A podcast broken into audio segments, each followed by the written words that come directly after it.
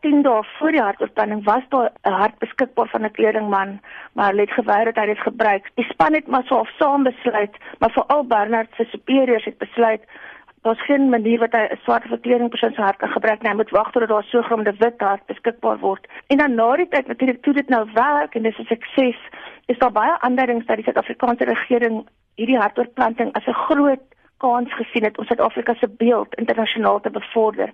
Hulle het nogal baie druk op Barras geplaas om wanneer hy reg rondom die wêreld praat vir mense te vertel dat Suid-Afrika nie 'n agterlike land is nie.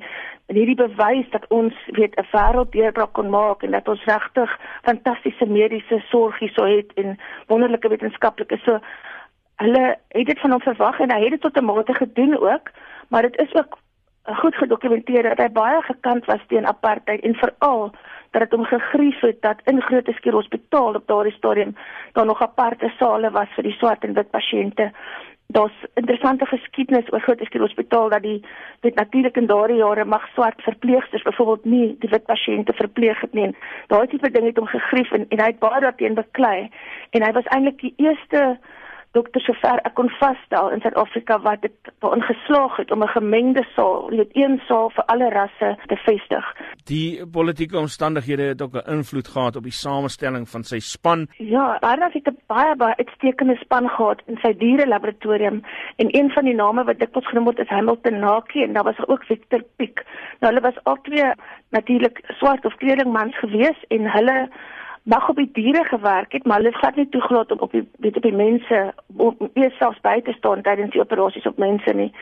Maar Hamilton Naki veral het uiters uiters vaardig geword. Hy was eintlik 'n baie interessante man. Hy was 'n tuinier by Groot Skuur en op 'n manier het hy die geleentheid gekry om in hierdie diere laboratorium te begin werk en Chris Barnard het raak gesien dat hy nie net die diere wou versorg nie, hy wou meer doen en hy het hom begin leer.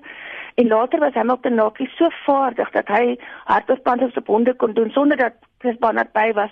Barnard het later gesê dat hy dink Naki was selfs meer vaardig as hy as dit by leweroortplantings gekom het wat tegnies amper 'n moeiliker operasie is as 'n hartoortplanting. So Naki het eintlik ongelooflike werk gedoen. Hy het baie ander dokters geleer en die tegnieke vir hulle gedemonstreer. Hy was regtig iemand wat duidelik as hy die geleentheid gehad het om te studeer, sou hy 'n fantastiese chirurg kon gewees het. Maar hy het self gesê dat hy weet dankbaar was vir die geleenthede wat hy daarom gekry het om te leer en om daai werk te doen. En hy is later met 'n eremeester gehad in wetenskap by die Universiteit van Kaapstad vereer vir sy bydrae